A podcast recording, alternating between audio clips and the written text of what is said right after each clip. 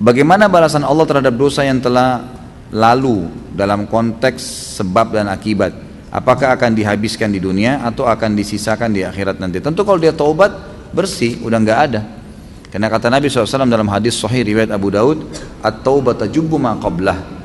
Ya, at-taubat tajubbu ma qablah. Jadi taubat itu membersihkan semua yang lalu-lalu. Jadi sudah tidak ada lagi, asal dia taubat insya Allah. Apabila kita didolimi seseorang, dapatkah kita memohon percepatan balasan? Kan sudah saya jelasin tadi. Boleh saja, tapi lebih baik kalau kita minta diberikan hidayah. Jika terlambat bangun setelah matahari terbit, eh, masih bisakah kita sholat subuh? Bisa tapi dengan syarat bukan disengaja, bukan sengaja ya. Dalam arti kata gini, memang antum tidur kebablasan bangun atau sempat terbangun cuma kayak orang tidak sadar tidur lagi. Memang tidak tidak bisa menguasain diri. Maka itu tetap sholat. Tapi kalau ada orang emang dasarnya sudah dengar azan subuh nggak mau sholat gitu kan? Emang dia nggak mau sholat ditunda sama bukan ditunda memang dia tidak mau sholat.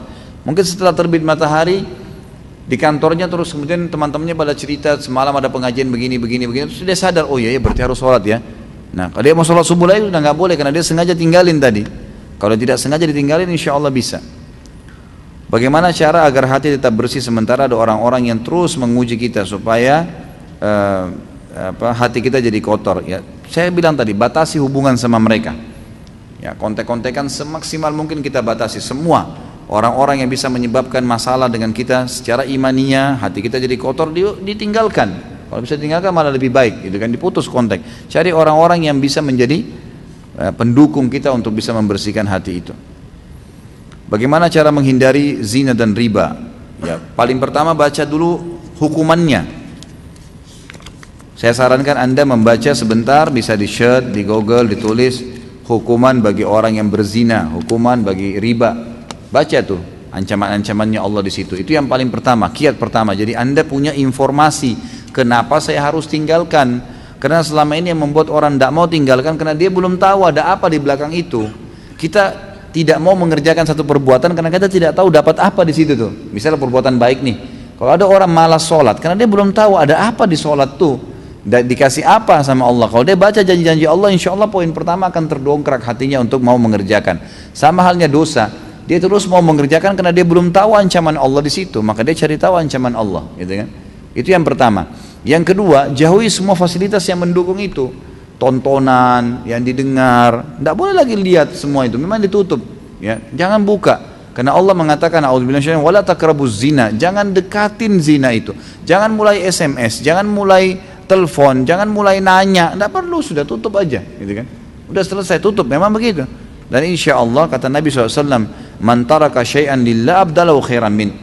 Siapa yang meninggalkan sesuatu karena Allah Allah akan gantikan yang lebih baik di dalam sebuah hadis yang diriwayatkan oleh Abu Hurairah bahwa Rasulullah SAW bersabda, barang siapa yang melihatku di saat tidur, maka seakan-akan dia melihatku pada saat terjaga dan syaitan tidaklah dapat menyerupaiku. Juga hadis yang diriwayatkan oleh Abdullah bin Mas'ud bahwasanya Rasulullah SAW bersabda, barang siapa yang melihatku di saat tidur, maka sungguh dia telah melihatku. Sesungguhnya syaitan tidak bisa menyerupaiku. Hadis Trimidi dan dia berkata hadis Hasan Sahih. Apabila Ustadz Khalid pernah bermimpi bertemu Rasulullah SAW dan di mimpi tersebut beliau memberi nasihat yang belum pernah ada dikatakan pada zaman beliau kepada Ustadz Khalid dan berpesan agar disampaikan juga kepada umat muslim yang lain. Apakah Ustadz Khalid akan menyampaikan walaupun itu hal baru? Tentu saja tidak. Tentu saja tidak karena mustahil bertemu antara pesan Nabi SAW yang datang dalam mimpi dengan apa yang telah beliau ajarkan. Jadi ulama juga membahas masalah mimpi ini. Yang pertama, hadis ini benar. Tidak ada yang kita ragukan. Kalau orang lihat dalam mimpinya Nabi SAW, maka itu adalah Nabi SAW. Tapi perlu diketahui, Ibnu Sirin menjelaskan dalam masalah takwil mimpi dengan panjang lebar, perlu diketahui mimpi yang disebutkan ketemu Nabi SAW adalah mimpi yang memang yang sedang dilihat benar seperti apa yang disebutkan ciri fisiknya Nabi SAW. Misal memang Allah perlihatkan kita kita melihat secara fisik memang Nabi SAW bentuk alisnya sudah disebutkan bagaimana warna kulitnya. Kalau misal maaf ada orang mimpi Nabi SAW tapi orangnya pendek gemuk itu nggak benar. Karena Nabi SAW apa ciri fisiknya? Tinggi besar kekar kan beda. Alisnya Nabi SAW berwarna hitam seperti busur panah. Kalau dia lihat dalam mimpi alisnya warnanya merah misalnya, itu berarti bukan. Walaupun tersirat di dalam hatinya ini adalah Rasulullah. Karena dipertemukan dengan ciri, karena ini bisa saja gitu kan. Jadi memahami hadis ini adalah kata kata Ibnu Sirin harus dipertemukan juga dengan hadis-hadis yang lain yang menyebutkan tentang ciri Nabi Shallallahu Alaihi Wasallam. Yang kedua kata beliau, kalau seandainya fisik Nabi nggak kelihatan, ada kadang-kadang orang mungkin cuma lihat punggung, ada kadang-kadang orang cuma lihat e, dengar suara, alasannya itu itu adalah suara Nabi SAW. Maka kata para kata Ibnu Sirin harus dilihat pesan yang disampaikan itu apakah pesan sesuai dengan pesan Nabi SAW di zamannya atau bukan. Kalau bukan berarti itu bukan Nabi SAW karena di sini kata-kata melihat Nabi lebih tepat secara harfiah adalah melihat fisik Nabi, gitu kan? Melihat memang Nabi SAW, melihat Nabi SAW memang betul-betul seperti itu, gitu kan? Saya pernah mengalami melihat Nabi SAW pada saat saya pertama mengisi materi sirah. Itu saya lihat dalam mimpi saya sendiri Nabi SAW lagi di hadapan saya dan kebetulan wajah beliau itu sangat dekat dan saya mempelajari dalam hadis Bukhari tentang ciri Nabi SAW. Alisnya seperti busur panah, hidungnya seperti apa, bola matanya seperti apa, bibirnya SAW seperti apa.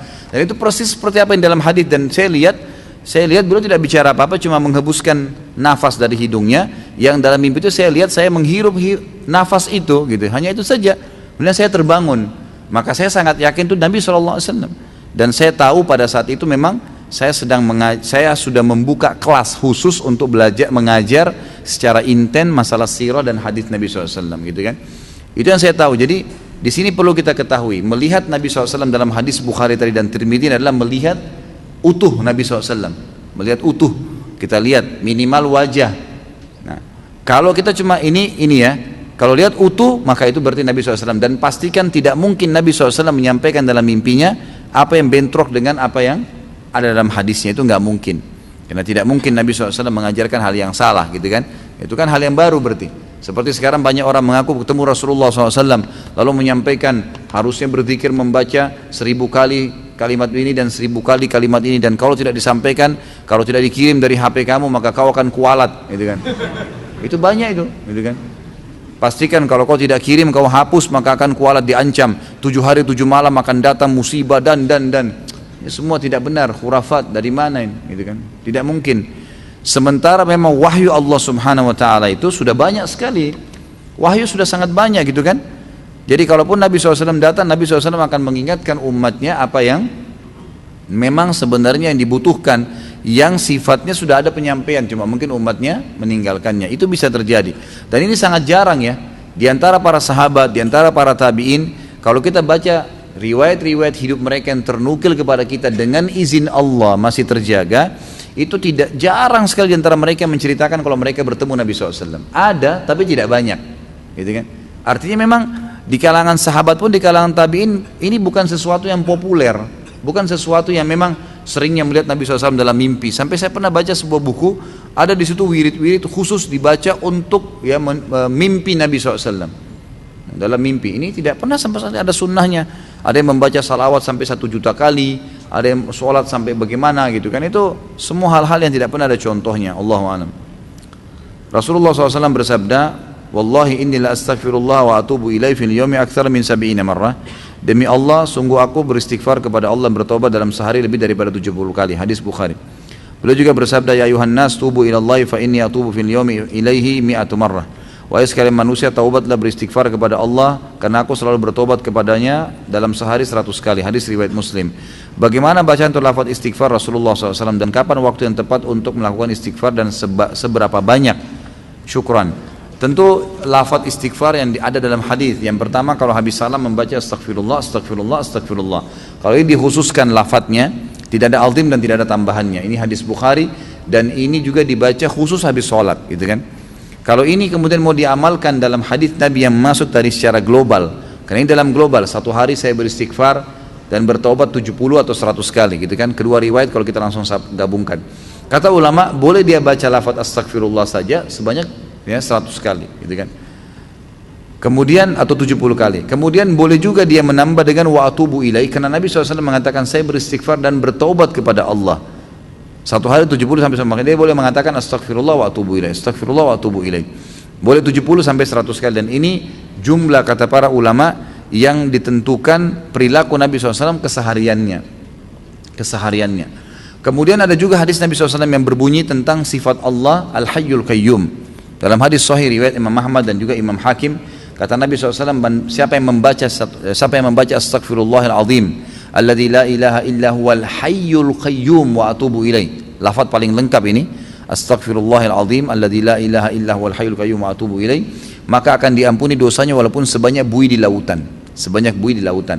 Maka ini juga boleh diamalkan ini juga boleh diamalkan. Allah alam yang saya temukan pribadi dengan dengan keterbatasan ilmu saya tiga lafaz ini tiga lafaz ini gitu kan yang berbau saya beristighfar kepada Allah ya kalau dengan lafaz-lafaz lain ada seperti Rabbi ghafirli wali walidayya, ya itu itu juga ada. Rabbana ighfir lana wa li ikhwanina alladziina sabaquna bil iman. Ini juga termasuk lafaz istighfar tapi sifatnya umum. Kalau tadi sifatnya khusus kepada dia gitu kan. Maka itu juga termasuk dalam lafaz-lafaz istighfar. Jadi ini Allah alam yang bisa diamalkan. Kalau masalah jumlahnya kembali kepada penempatan ya. Nabi SAW mengatakan 70 sampai 100 kali, maka lebih afdal kalau seseorang berbaca membaca seperti ini, gitu kan? 70 sampai 100 kali dalam sehari. Ada juga yang memahami tidak. 70 sampai 100 kali sekali istighfar. Fahami ya? Jadi misal pada saat Nabi SAW punya kesempatan beristighfar, bertobat, beristighfar, beliau membaca langsung 70 sampai 100 kali. Seper per waktu itu. Jadi dalam satu hari bisa sampai berapa kali? Kan gitu. Dan ini ternyata juga difahami oleh sebagian besar ulama tabi'in yang diambil dari para sahabat. Makanya ada di antara mereka yang setiap kali tidak ngomong beristighfar gitu kan sebagaimana pernah saya sampaikan kisah Imam Muhammad dengan sebuah seorang penjual roti yang memperbanyak istighfar akhirnya diterima semua doanya gitu kan jadi ya lafaz hadis tadi yang disebutkan ini bisa mengandung dua makna bisa dalam sehari penuh 70 sampai 100 kali atau 70 100 kali itu di setiap kesempatan pada hari itu dibaca sehingga kalau kesempatan lain di hari yang sama juga masih dibaca tapi per satu kali baca itu 70 sampai 100 kali Allahu alam Bagaimana hukum vaksin atau suntik ketika akan pergi haji? Saya tidak tahu Allahu alam ya. Saya tidak tahu ini ada yang mengatakan bahannya haram, ada yang mengatakan bahannya halal. Tergantung kepada MUI. Kalau MUI sudah mengatakan itu halal, sudah diadakan penelitian kena teman-teman MUI punya tim. Kalau saya tidak ada timnya untuk itu, maka insya Allah kita kembalikan hukumnya kepada mereka, gitu kan?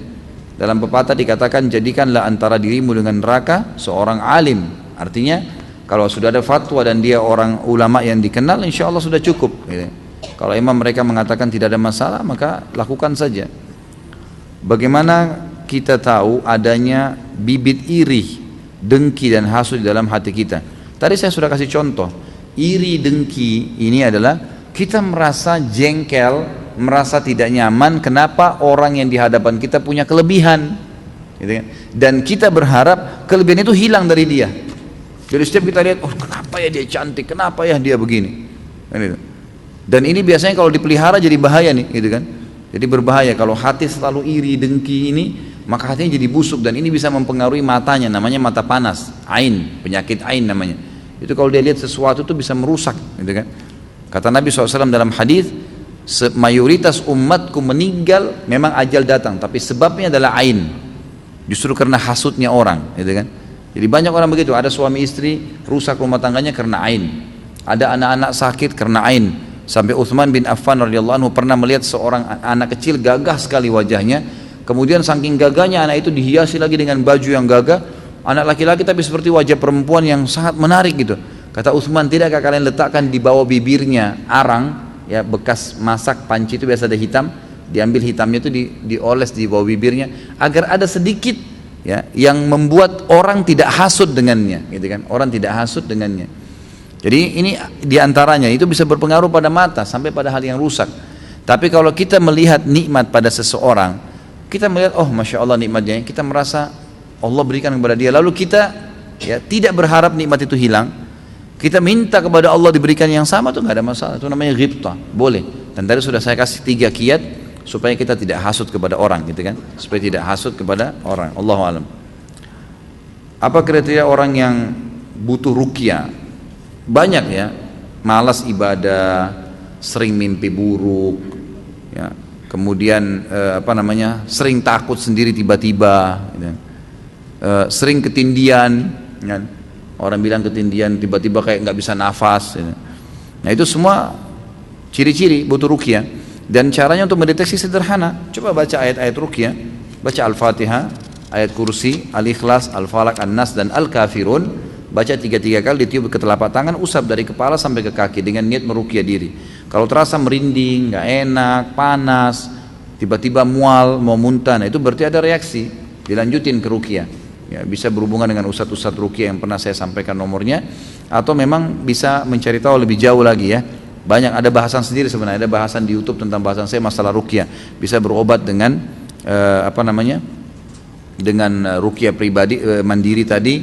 Bisa juga meminum uh, air yang ditaruh daun bidara ya kemudian uh, mandi dengan air bidara itu semua termasuk bisa dilakukan gitu. Atau minta tolong sama para ustadz-ustadz kita yang memang sudah uh, menjalankan itu ya merukyah orang-orang Saya sudah mem, mem, uh, saya sudah ngasih tahu orang tua saya tentang sunnah, tapi beliau tetap kekeh pada pendiriannya tentang tahlilan. Bagaimana cara supaya orang tua saya kembali ke sunnah? Kalau sudah disampaikan tugas anda sudah lepas. Selebihnya doakan saja. Selebihnya doakan kepada Allah swt karena kita tidak punya cara lain. Yang penting sudah dijelaskan kebenaran pada orang yang sedang salah. Mau tanya tentang hadis ini apakah untuk kalangan kita atau orang-orang fasik Ustaz? Sesungguhnya yang termasuk yang paling aku cintai di antara kalian adalah paling dekat majelisnya dariku pada hari kiamat. Ya. Sungguhnya orang yang paling aku cintai di antara kalian dan paling dekat majelisnya dariku pada hari kiamat adalah orang yang terbaik akhlaknya di antara kalian. Dan sungguhnya yang paling aku benci di antara kalian dan yang paling jauh majelisnya dariku pada hari kiamat adalah orang yang berlebihan dalam berbicara. Sok fasi dengan ucapannya dan sombong dalam ucapannya. Diriwayatkan Tirmidzi. Pertanyaan tadi, apakah hadis ini untuk kita atau orang-orang fasik? Untuk semua, semua umat Islam tentunya ya. Kita semua kena dalam hadis ini. Jadikan sebagai peringatan, jangan sampai dilanggar karena memang orang dalam Islam tidak boleh sembarangan ngomong, ngomong kosong, menjatuhkan orang, tidak ada ilmunya dalam berbicara itu tidak boleh dalam Islam ya. Kena dalam ancaman hadis ini. Jadi umum semuanya bisa kena. Saya baca di sini rumusan masalah. Saya kira makalah nih. Apakah ria termasuk dosa hati? Ya. Tadi saya jelaskan kan ria, iri, dengki masuk. Apakah orang yang pamer itu selalu dinilai ria? Kalau dia pamer ibadah, iya. Kalau ibadah. Kalau bukan ibadah maka masuk dalam bab sombong. Ya. Kan? Pamer mobil, pamer baju itu sombong. Dosanya lain lagi. Tapi kalau dia pamer ibadah, ria. Nah, ibadah apa saja. Gitu kan? Saya baru pulang umroh, saya baru bantu orang, saya baru puasa, saya baru begini. Itu pamer ibadah, berarti ria. Apa yang dimaksud hadis di pembahasan tadi? Hati adalah jantung karena kalbu beberapa tidak maksudkan jantung, bukan hati. Ini khilaf di antara ulama tentang masalah istilahnya, gitu kan? Tapi memang yang sering diterjemahkan kalb itu jantung, bisa masuk jantung, bisa masuk hati. Ada yang pendapat yang mengatakan dia jantung di tengah-tengah dada kita. Allahu a'lam. Apakah dimungkinkan ada sunnah yang tidak sampai kepada kita karena itu tidak terjaga seperti Al-Quran? Bisa jadi, bisa jadi Allah alam. Jadi kan bisa jadi. Tapi dengan izin Allah, Allah SWT akan menjaga hal-hal yang mendasar bagi umat ini. Bukan mustahil, mungkin ada hadis yang belum sampai kepada kita karena sekarang ini masih banyak manuskrip-manuskrip tulisan-tulisan tangan para ulama dari generasi-generasi emas dulu yang masih belum disentuh sama sekali. Saya kemarin waktu sebelum ke Indonesia dapat penawaran untuk pasar sarjana di Maroko, S2 sama S3 di sana waktu selesai S1 di Madinah. Kemudian eh, pada saat saya sebelum berangkat ada beberapa teman-teman kita yang sudah mendahului kami ke sana dulunya. Tentu saya tidak berangkat ya. Tapi waktu itu sempat saya ngobrol-ngobrol gimana sih sebenarnya keadaan Maroko itu. Kemudian dijelaskan sama dia tentang keterangan semua dan dia jelaskan di perpustakaan kampus kami saja itu masih ada ribuan manuskrip yang belum tersentuh, belum di, belum sama sekali dibukukan dan itu masih tulisan para ulama-ulama dulu gitu. Masih zaman kerajaan muwahhidin, murabitin. Ini masih zaman Abbasiyah ya, tahun 600-an Hijriah, 500 Hijriah itu ada banyak, masih belum disentuh. Bukan mustahil, Allah alam, kita tidak tahu. Tapi insya Allah yang sudah ada sekarang kita amalkan gitu. Yang tidak boleh itu berjualan di masjid atau mengumumkan barang hilang. Bagaimana kalau kita belanja online tapi kita sedang di dalam masjid? Setahu saya tidak boleh transaksi dalam masjid, transaksi fisik ya. Jadi menerima uang dan seterusnya. Mungkin kalau kita tarik ke sekarang masalah online di HP lebih baik jangan, lebih baik, lebih aman jangan. Karena Nabi SAW yang melarang dalam hadis untuk transaksi di masjid. E, masalah mengiklankan barang hilang ini hadisnya lain lagi, memang dilarang gitu kan. Siapa yang mengiklankan barangnya hilang di masjid maka katakanlah padanya semoga barangmu tidak kau temukan gitu kan. Itu memang ada larangan sendiri, tersendiri Allah alam. Jadi dia jadikan masjid sebagai tempat iklannya. Ini dibahas oleh para ulama bagaimana kalau marbot masjid yang menemukan barang dan dia sampaikan. Maka ini ada pendapat ulama yang membolehkan, tidak masuk dalam larangan. Karena larangan ini kalau ada orang yang hilang barangnya kemudian dia sendiri yang jadikan masjid sebagai tempat pengumuman. Atau setiap kali temukan barang di luar masjid langsung dibawa ke masjid diiklanin. Nah ini yang disorotin yang tidak boleh. Anda ingin memperdalam muamalah, maliyah. Maliyah maksudnya harta ya. Masalah ekonomi ini. Apakah ada ada ustadz rujukan untuk bisa kita ikutin untuk memperdalam ilmu. Allah alam yang saya tahu uh, ada banyak yang saya tahu sekarang yang sudah pulang dari Madinah kan ada dokter uh, siapa Irwan Ditrimizi ya. Kemudian uh, saya yang lain saya tidak pernah secara khusus tahu, tapi mungkin ya umumnya insya Allah umumnya teman-teman yang sudah pernah belajar apalagi tamatan dari Fakultas Syariah itu umumnya bisa dijadikan sebagai rujukan. Saya tidak ingat sekarang nama-nama mereka, tapi insya Allah tuh tanya saja. Ya, kalau mereka terutama tamatan Mesir, tamatan Madinah, tamatan Mekah, tamatan Mesir dari Timur Tengah yang insya Allah bisa dijadikan rujukan. Doakan kita semua agar bisa berangkat haji bersama Ustadz tahun ini. Hai, insya Allah. Kalau tahun ini saya nggak tahu ya, karena belum saya sendiri belum dapat visa gitu. Tapi insya Allah mudah-mudahan ya kita